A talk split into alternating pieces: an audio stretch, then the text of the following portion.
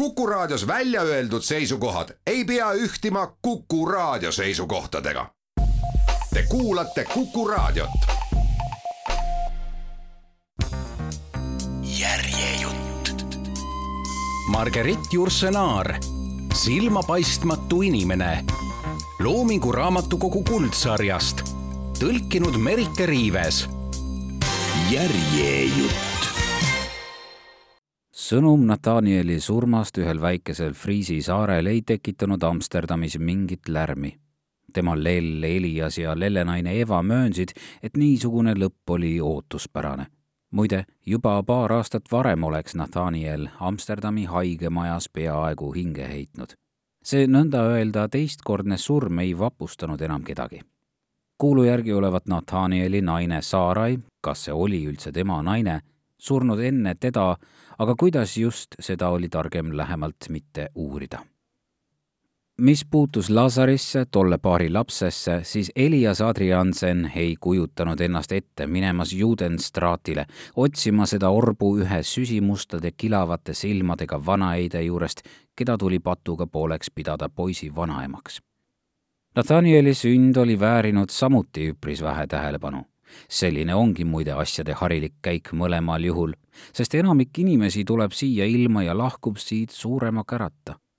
esimene neist kahest sündmusest, kui seda sai ülepea sündmuseks nimetada, oli pakkunud huvi üksnes poolele tosinale Hollandi latatarale, kes olid end Greenwichis sisse seadnud koos oma meeste, admiraliteedi esimese lordi heaks töötavate ning geni shillingeid ja penne teenivate puusseppadega see väike võõramaalaste kogukond, keda nende päritolu tõttu põlati, kuid kellest nende käteosavuse ja kaljukindla protestantluse pärast ometi ka lugu peeti, asustas tervet rodu korralikke majakesi Kuivdoki basseini ääres.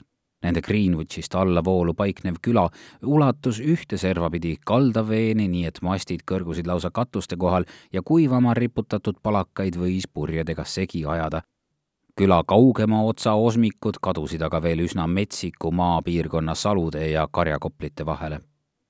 vastsündinu isa oli tüse, punetava näoga toimekas mees, kes turnis alatasa mõne lõpetamata laevakere vastu toetatud redelil.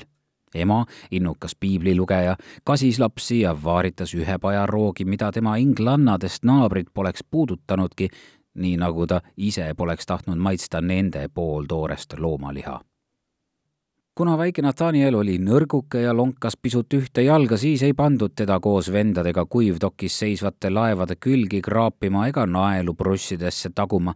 ta jäeti ühe naabruses elava ja tema vastu huvi ilmutanud koolmeistri hoolde. perekonnal tuli tema ülalpidamise eest tasuda üsna vähe poiss pidi tegema koolmeistri heaks väikesi töid nagu tindipottide täitmine, sulgede teritamine ja klassitoa põranda pühkimine ta pidi aitama majaemandal kaevust vett vinnata ja aias rohtu kitkuda. ajapikku pidi temast saama kas jutlustaja või omakorda külakoolmeister. Nathanielile meeldis õpetaja juures elada ehkki koolipoistele sai seal osaks ohtralt kõrvakiile ja hoope. varsti pandi talle kohustus õpetada kõige noorematele kaasõpilastele tähestiku veerimist, kuid ta tuli selle ülesandega halvasti toime, sest ei osanud laiskadele õigel hetkel rauast joonlauaga vastu sõrmi kopsata tema vanuste poiste seas oli ta oma tähelepaneliku ja malbe ilmega siiski heaks eeskujuks.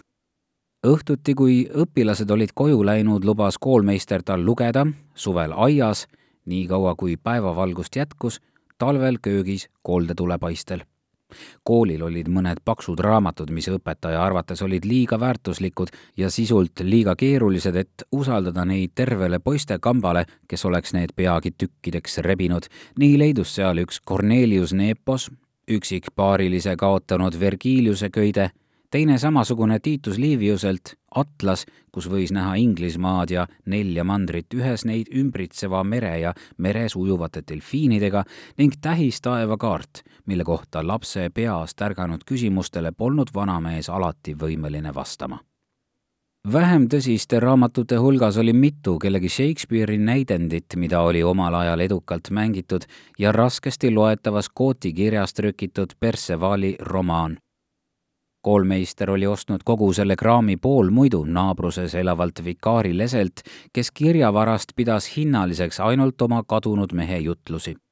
Nathaniel õppis niiviisi rääkima puhast inglise keelt, mida tema enda kodus üksnes pursiti, ja veidi ka ladina keelt, mille peale tal oli annet koolmeistrile pakkus lõbu poissi tööle sundida, sest tal oli harva juhust kasutada omaenda teadmisi, sest peale, kui ta enam heas Londoni koolis ei õpetanud.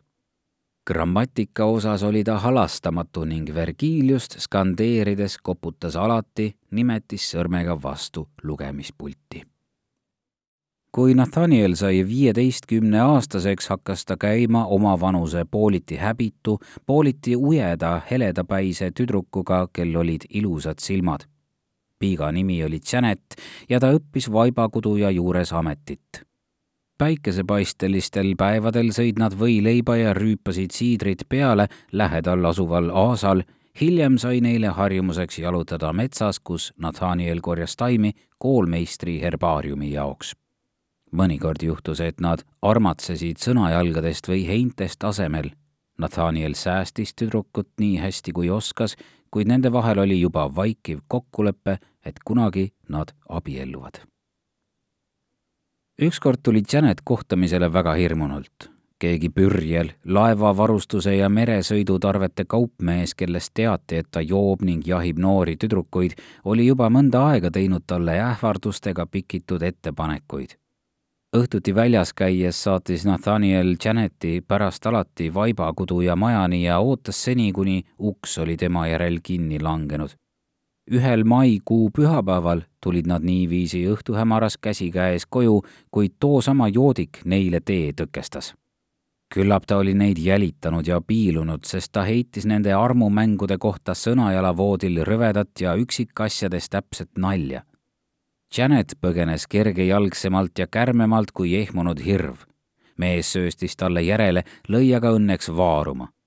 Ta püsis nii halvasti jalul, et klammerdus Nathanieli külge ja pani talle käe ümber kaela, kusjuures jäi arusaamatuks, kas see sündis soovist tasakaalu tagasi saada või mingi äkilise ja tobeda õrnus hoo ajel.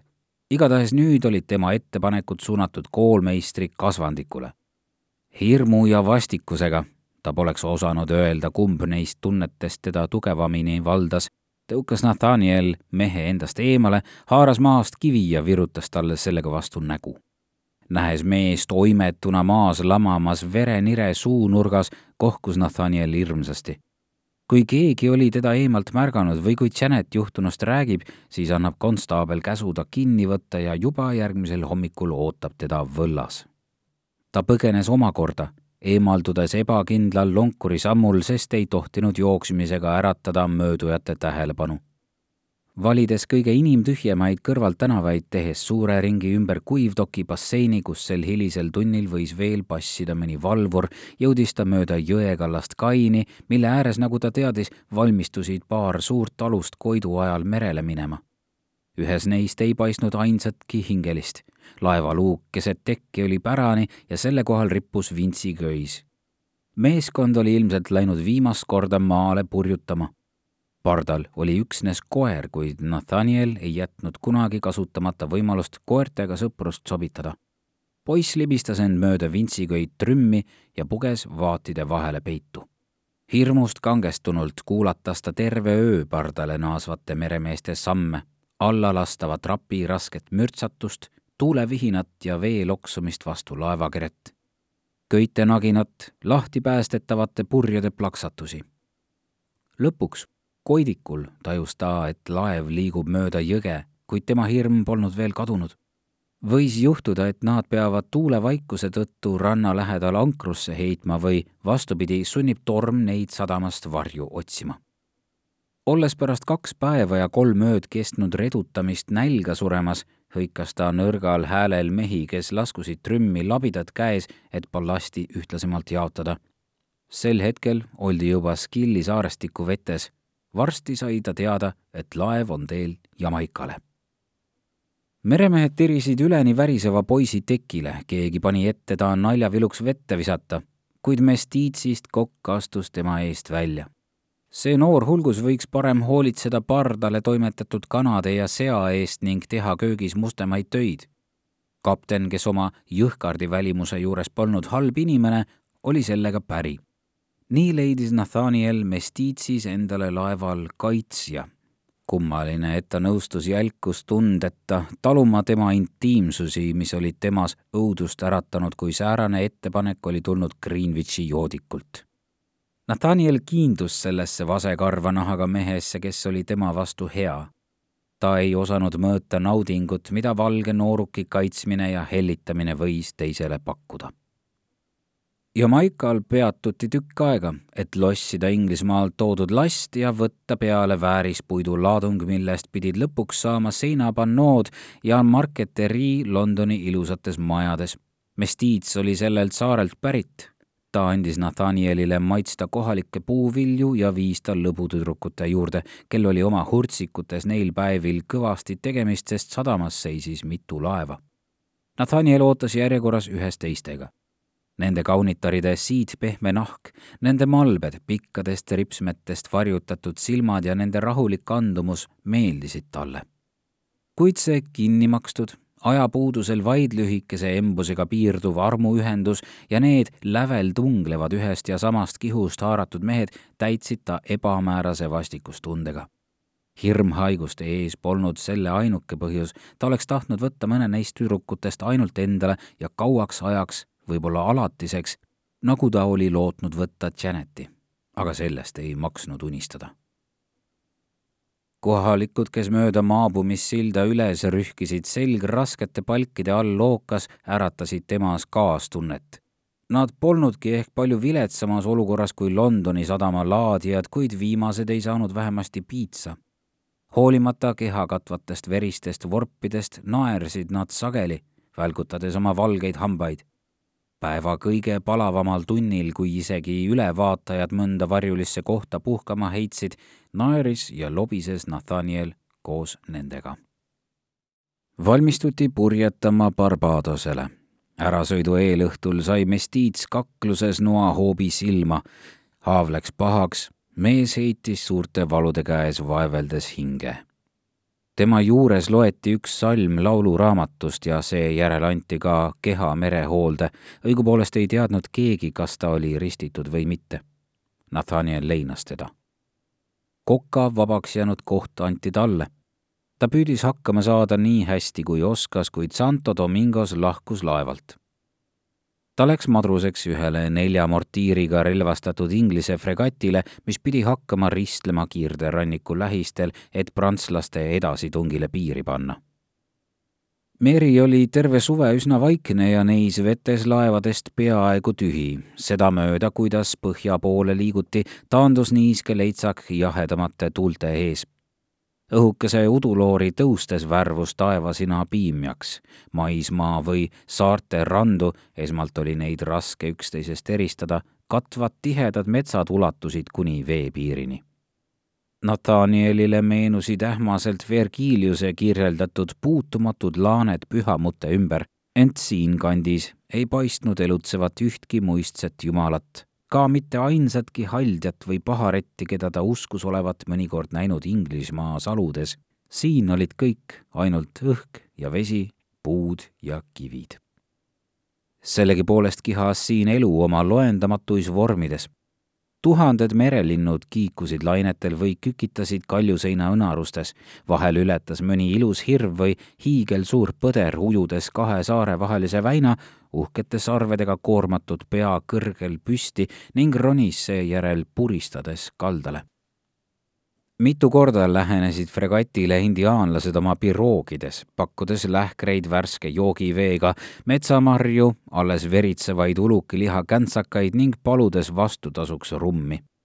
mõned neist olid säärase vahetuskaubandusega tegeledes jätnud meelde hulga ingliskeelseid, vahel ka prantsuskeelseid sõnu laevadel aga kanti hoolt, et keegi ohvitseridest või madrustest oskaks vähemasti üht pärismaalaste keelt töngata ohtlikke merekitsusi läbides võeti mõni metslane vahel pardale lootsiks. ühel ilusal päeval tõi keegi neist inglastele uudise. üks mässama hakanud laevameeskond oli toimetanud naabersaarele salgakese eriliselt tõsise ja targa olemisega valgeid mehi, kes korraldasid iga päev tseremooniaid oma jumalate auks. Need mehed olid seal elanud juba mitu kuud. mandri indiaanlased, kes külastasid saart kalapüügi hooajal, olid neile mõnikord toitu toonud. Abenaki suguharu pealik, kes oli lamanud oma laagris juba kaua aega haigena maas, oli kutsunud nad enda juurde ja nõudnud neilt anda mina vägijooke. kangeid jooke neil polnud, kuid nad olid talle vett pähe piserdanud, et ta võiks saada osa suure vaimu soosingust.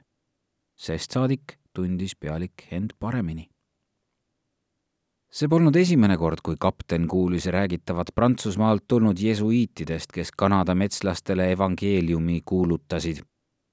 katoliku kiriku silmakirjalikud riitused olid juba iseenesest taunimisväärsed, kuid peale selle polnud kellelegi teadmata, et pühad isad seadsid end harva kusagile sisse ilma omamaiste sõdurite ja hangeldajate järelevalve toetuseta Need vagad mehed olid end ülikristlikuks nimetava kuninga emissarid. saar, millest jutt käis, oli alles hiljuti kaartidele kantud. see kõrge ja kaljune, madalamas osas kuuskede ja tammedega kaetud maalapp paistis oma kuue-seitsme tipuga kaugele merele saarel ei leidunud midagi hinnalist, kuid selle lõunarannikut lõhestas sügav laht, moodustades avara tuulte eest oivaliselt kaitstud loodusliku sadama, mille sissepääsu kaitses ümar laid, lahe vasakul kaldal allpool laiuvat aasa voolas allikas, mida teadsid paljud meresõitjad. Neist voorustest piisas, et panna Inglise kuningat Prantsuse kuningaga saare pärast vihaselt kemplema rannale lähemale minnes võis näha tumedate kuuskede ja juba sügiseselt ruugeks tõmbunud tammedega segametsa, selle veeres aga loomanahkadest ja okstest onne, mida indiaanlased olid ilmselt aidanud uusasukail ehitada. onnide keskele oli püstitatud kõrge rist. kapten andis käsu avada tuli Nathaniel jälestas igasugust vägivalda, kuid mortiiride kallal õiendavate meeste ärevus haaras tedagi kaasa kahurimürin veeres ühelt madalalt mäetipult teisele. see oli neil kahtlemata esimene kord inimese põhjustatud äikest tagasi põrgatada, sest tänini olid nad kuulnud üksnes välgulöökide kõma ja sulailmade aegu kaljudelt langevate jäätükkide raksumist. kaugelt oli näha, kuidas sultaanides mehed kõrges rohus laiali pudenesid, kaks neist kukkusid maha, ülejäänud aga varjusid metsa laevalt vette lastud paat jäeti rannale ankrusse, kuid lõhutud onnidest saadi sõjasaagiks ainult mõned riidehilbud ja natuke toidumoona ühes raamatute ja tööriistakastiga, mille kapten endale võttis. Nathaniel täheldas, et keegi paatritest oli alustanud herbaariumi koostamist. selle lehed laksusid tuules.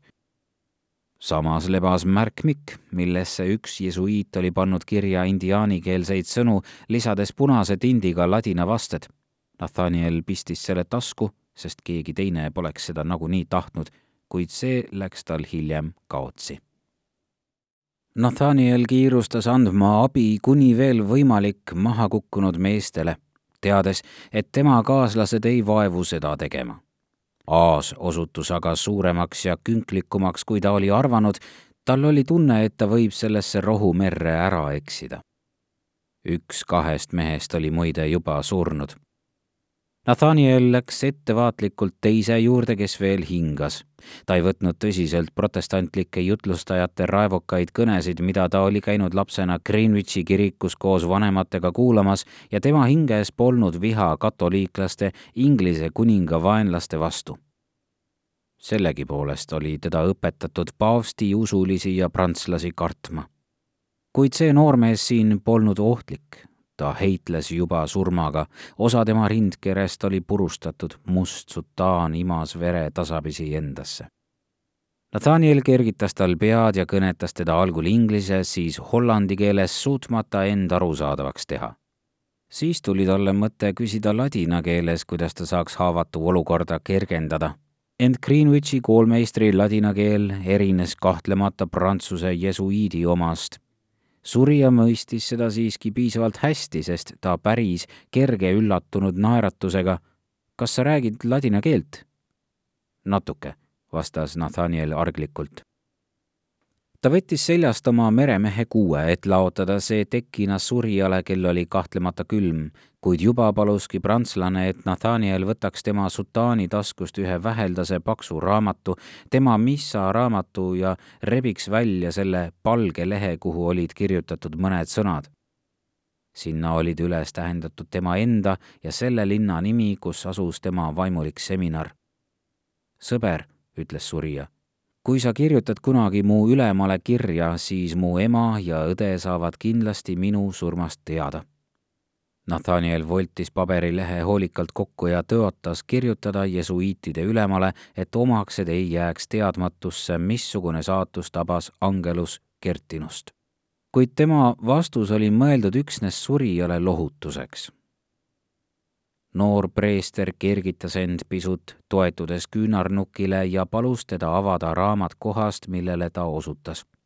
Nathaniel tundis ära psalmid, mida ta oli lugenud rahvakeeles oma vanemate piiblist, kuid mis kõlasid kummaliselt siinses üksinduses, mis ei teadnud midagi ei Iisraeliks kutsutud kuningriigi, ei Rooma katoliku ega ka mitte Luteri ja Calvini rajatud kirikute jumalast mõned neist värssidest, eriti need, mis kõnelesid merest, orgudest, mägedest ja inimese suurest hingeahastusest, olid siiski ilusad.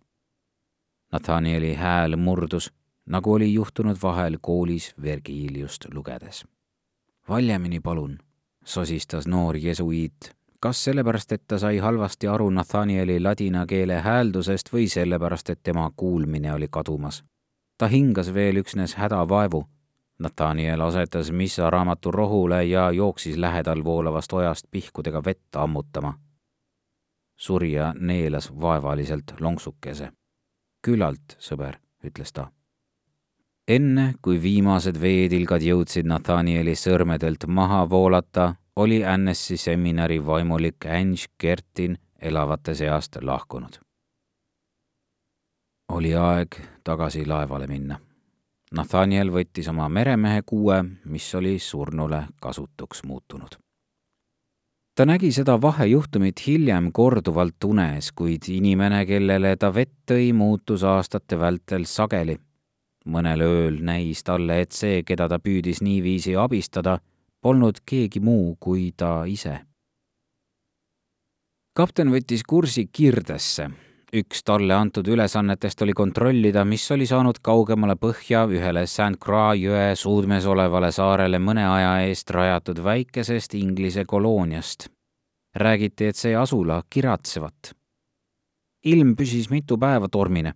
kapten pelgas tohutuid tõusulaineid, mis pööripäeva paiku vastu seda rannikut murduvad vaevalt oli ta andnud käsu tagasi pöörduda, kui järsk tuulemuutus heitis nad sellele samale ohtlikule saarele, mida nad olid otsinud. karide vahele kinni jäänud laev polnud saanud suuremaid vigastusi, kuid tõusu ajal tugevnes torm veelgi. võimsad lained kergitasid laevakere üles ja paiskasid küljeli. puust kaaretis ragises Nathanielil õnnestus peaaegu kuiva jalaga ühele kaljule ronida, ent veelgi kõrgem laine viis ta endaga kaasa. ta mäletas, et oli mingist lauajupist kinni haaranud. hiljem sai ta teada, et murdlained olid kandnud ta meelemärkusetult ühe väikese liivase abaja soppi ta tuli teadvusele õlekotil paari-kolme suure kivi vahel, mis olid palavaks aetud ja pandud tema lähedale, et nad oma soojuse talle edasi annaksid. madala palklae all märkas ta enda kohale kummardunud vana mehe ja vana naise nägusid või olid nad nii kurnatud välimusega, et tundusid vanad. üht noorukest lohkus põskedega neidu ja umbes kaheteistkümneaastast poissi, kes alatasa naeratas veel mõned inimesed kükitasid ümber põrandale kuhjatud asjade, mida ta oli varem näinud laeva pardal. ta oli nii väsinud, et jäi uuesti magama, kuid tema tervis pidas vastu. paari päeva pärast ei andnud vintsutuse tagajärjed enam peaaegu üldse tunda peagi sai Nathanielile selgeks, et ta oli fregati meeskonnast ainus ellujäänu see laevahukk tekitas saare väheste asukate seas vastakaid tundeid. kolooniast, mida olid laastanud karmid talved, ebasoodsad suved, rõuged ja prantslaste püssituli, oli alles kõigest seitse-kaheksa suitsu. Need inimesed ootasid juba ammugi pikisilmi alust, mis pidi neile toidukraami tooma ja võib-olla nad koguni kodumaale tagasi toimetama. vähemasti nad väitsid, et soovivad tagasi pöörduda. Tegelikult ei tähendanud kodumaa ja kellegi alamaks olemise mõisted neile enam midagi see kehv saar, mille nimegi polnud kaartidele märgitud, näis olevat naasnud aega, mil ta ei kuulunud veel kellelegi paljud umbes kahe aastakümne eest ehitatud hurtsikud olid kokku varisenud ega paistnud võsa ja kõrge rohu seest enam väljagi. Üks kümneliikmeline perekond, keda kahtlustati, et nad tegelevad võimaluse korral rannarööviga, elas teistest eraldi põhja pool pika liivase leedseljaku lähedal. Nende arvele pandi ka paar varastatud lammast idas ja lõunas kükitasid puude varjus mõned hütid.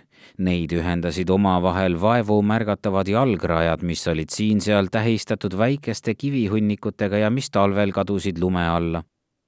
Üks tõenäoliselt mingi pahateo pärast Quebecist minema kihutatud karusnahakütt oli asunud elama metsalagendikule koos oma abenaki verd naise Madelene'i ning siledajuukseliste ja tumedasilmsete lastega ta ei kujutanud ette, et tema kodu võiks olla kusagil mujal. kaks venda, kes olid end sisse seadnud Abaja kaldal, müüsid soola, mida nad said mereveest, keetes seda suures katlas. Nad tarvitasid oma toodangut segatuna muude haisvate ainetega nii teiste varutud kui ka endi nülitud ulukinahkade parkimiseks Nende oskustele loodeti ka siis, kui oli vaja saapaid õmmelda või lumeräätsi parandada. Nad olid sealse eluga harjunud Norfolki külast, kus nad olid üles kasvanud, oli neil üksnes ähmaseid mälestusi. Keegi aadlimees, kellest räägiti, et ta olevat võidelnud Flandrias ja liikunud kuningas Jamesi õukonnas, elas eraklikult ühe kalju jalamil koos oma indiaanlasest teenriga, võib-olla temalgi, just nagu Nathanielil, olid olnud omad põhjused Inglismaalt lahkumiseks. Koloonia endine pastor ei jutlustanud enam, olles ajurabanduse tagajärjel halvatud. Ta hingitses ühes väikeses talus koos naise, lesestunud tütre ja selle poegadega. Nathanieli abistanud pere koosnes vanamehest, kes oli omal ajal teeninud samuti ühel Inglise fregatil, Eidest, kes pärines La Rochelle'ist ja kellele oli seal peavarju antud pärast Prantsuse kolooniasse suundunud laeva põhjaminekut, nende tütrest, keda kutsuti Foiks, ja kohtlasest poisist, kellele polnudki nime pandud Eit oli unustanud oma emakeele ning vandus ja tänitas inglaste moodi. vanapaar oli endalegi märkamatult kiindunud sellesse maalappi, kus nad olid rühmanud juba kakskümmend aastat ja pikk merereis oleks neid kohutanud. lapsed ei teadnud maailmast midagi ega osanud kujutleda, et elu võiks mujal olla parem ent kauaoodatud laeva hukkumisel olid ka oma head küljed kui meri oli rahunenud, õnnestus neil viletsatel suurem osa lastist maale toimetada. kellelgi polnud enam puudust tinanõudest, tööriistadest ega tekkidest. päästeti isegi mitu kasti veest peaaegu rikkumata soolaliha. Nathaniel taipas peagi, et ligimese armastus polnud ainuke põhjus, mis oli sundinud vanapaari teda toibutama ja tema eest hoolitsema olles ise veel üsnagi kõbusad, olid nad tulnud mõttele, et tugev kahekümneaastane poiss kuluks abilisena nende majapidamises marjaks ära ja Foy oli juba parajas eas, et endale mees leida. niipea, kui Nathaniel oli taas jalul, hakkas ta kaasa lööma sügistalvistes töödes, aidates vanamehel vikatile uut vart kinnitada tihtides paati, käies iga päev söötmas-jootmas hobust, lehma ja paari lammast, kes elasid puntras koos laudas, mis oli ühtlasi küün. See loputik toetus vastu hüti seina, et lojuste varjupaiga soojus võiks levida inimeste omasse ja vastupidi mööda välisseina kulges nöör elumaja uksest kuni laudaukseni, sellest tuli lumetormi ajal loomade juurde minnes kinni hoida, sest muidu võis ühe koha peal ringi tammudes ära külmuda, leidmata paari sammu kaugusel olevat ust. kui lumi kandis, veeti kelguga koju kuivanud või hiljuti raiutud puid. Väike hobune sikutas jämedamaid tüvesid krõbeda külmaga laskuti alla merelahele puuriti jäässe auke ja kalastati. majas oli üks ainus tuba, sealt aga viis redel üles pööningule. ei läinudki palju aega, kui vanamees ja vanaeit seadsid sellesse uberikku vastu seina, mida kolle altpoolt soojendas, kahe inimese õlekoti. Terve saare laiuse jagu eemal elutseva pastori juurde minekust ei hoolitud, kuid vanad laususid selle isevärki abieluvoodi ja kulunud vatiteki kohal oma õnnistussõnad nõnda ronisid Nathaniel ja Foy igal ööl oma pimedasse urgu, sest kahel põhjusel, nii kokkuhoiu kui ka tuleohu tõttu, pidid nad läbi ajama ilma küünlata. Nathanielile see pimedus meeldis. Seal oli mõnus teineteise soojas kaisus magada või teineteist koiduvalgeni hellitada.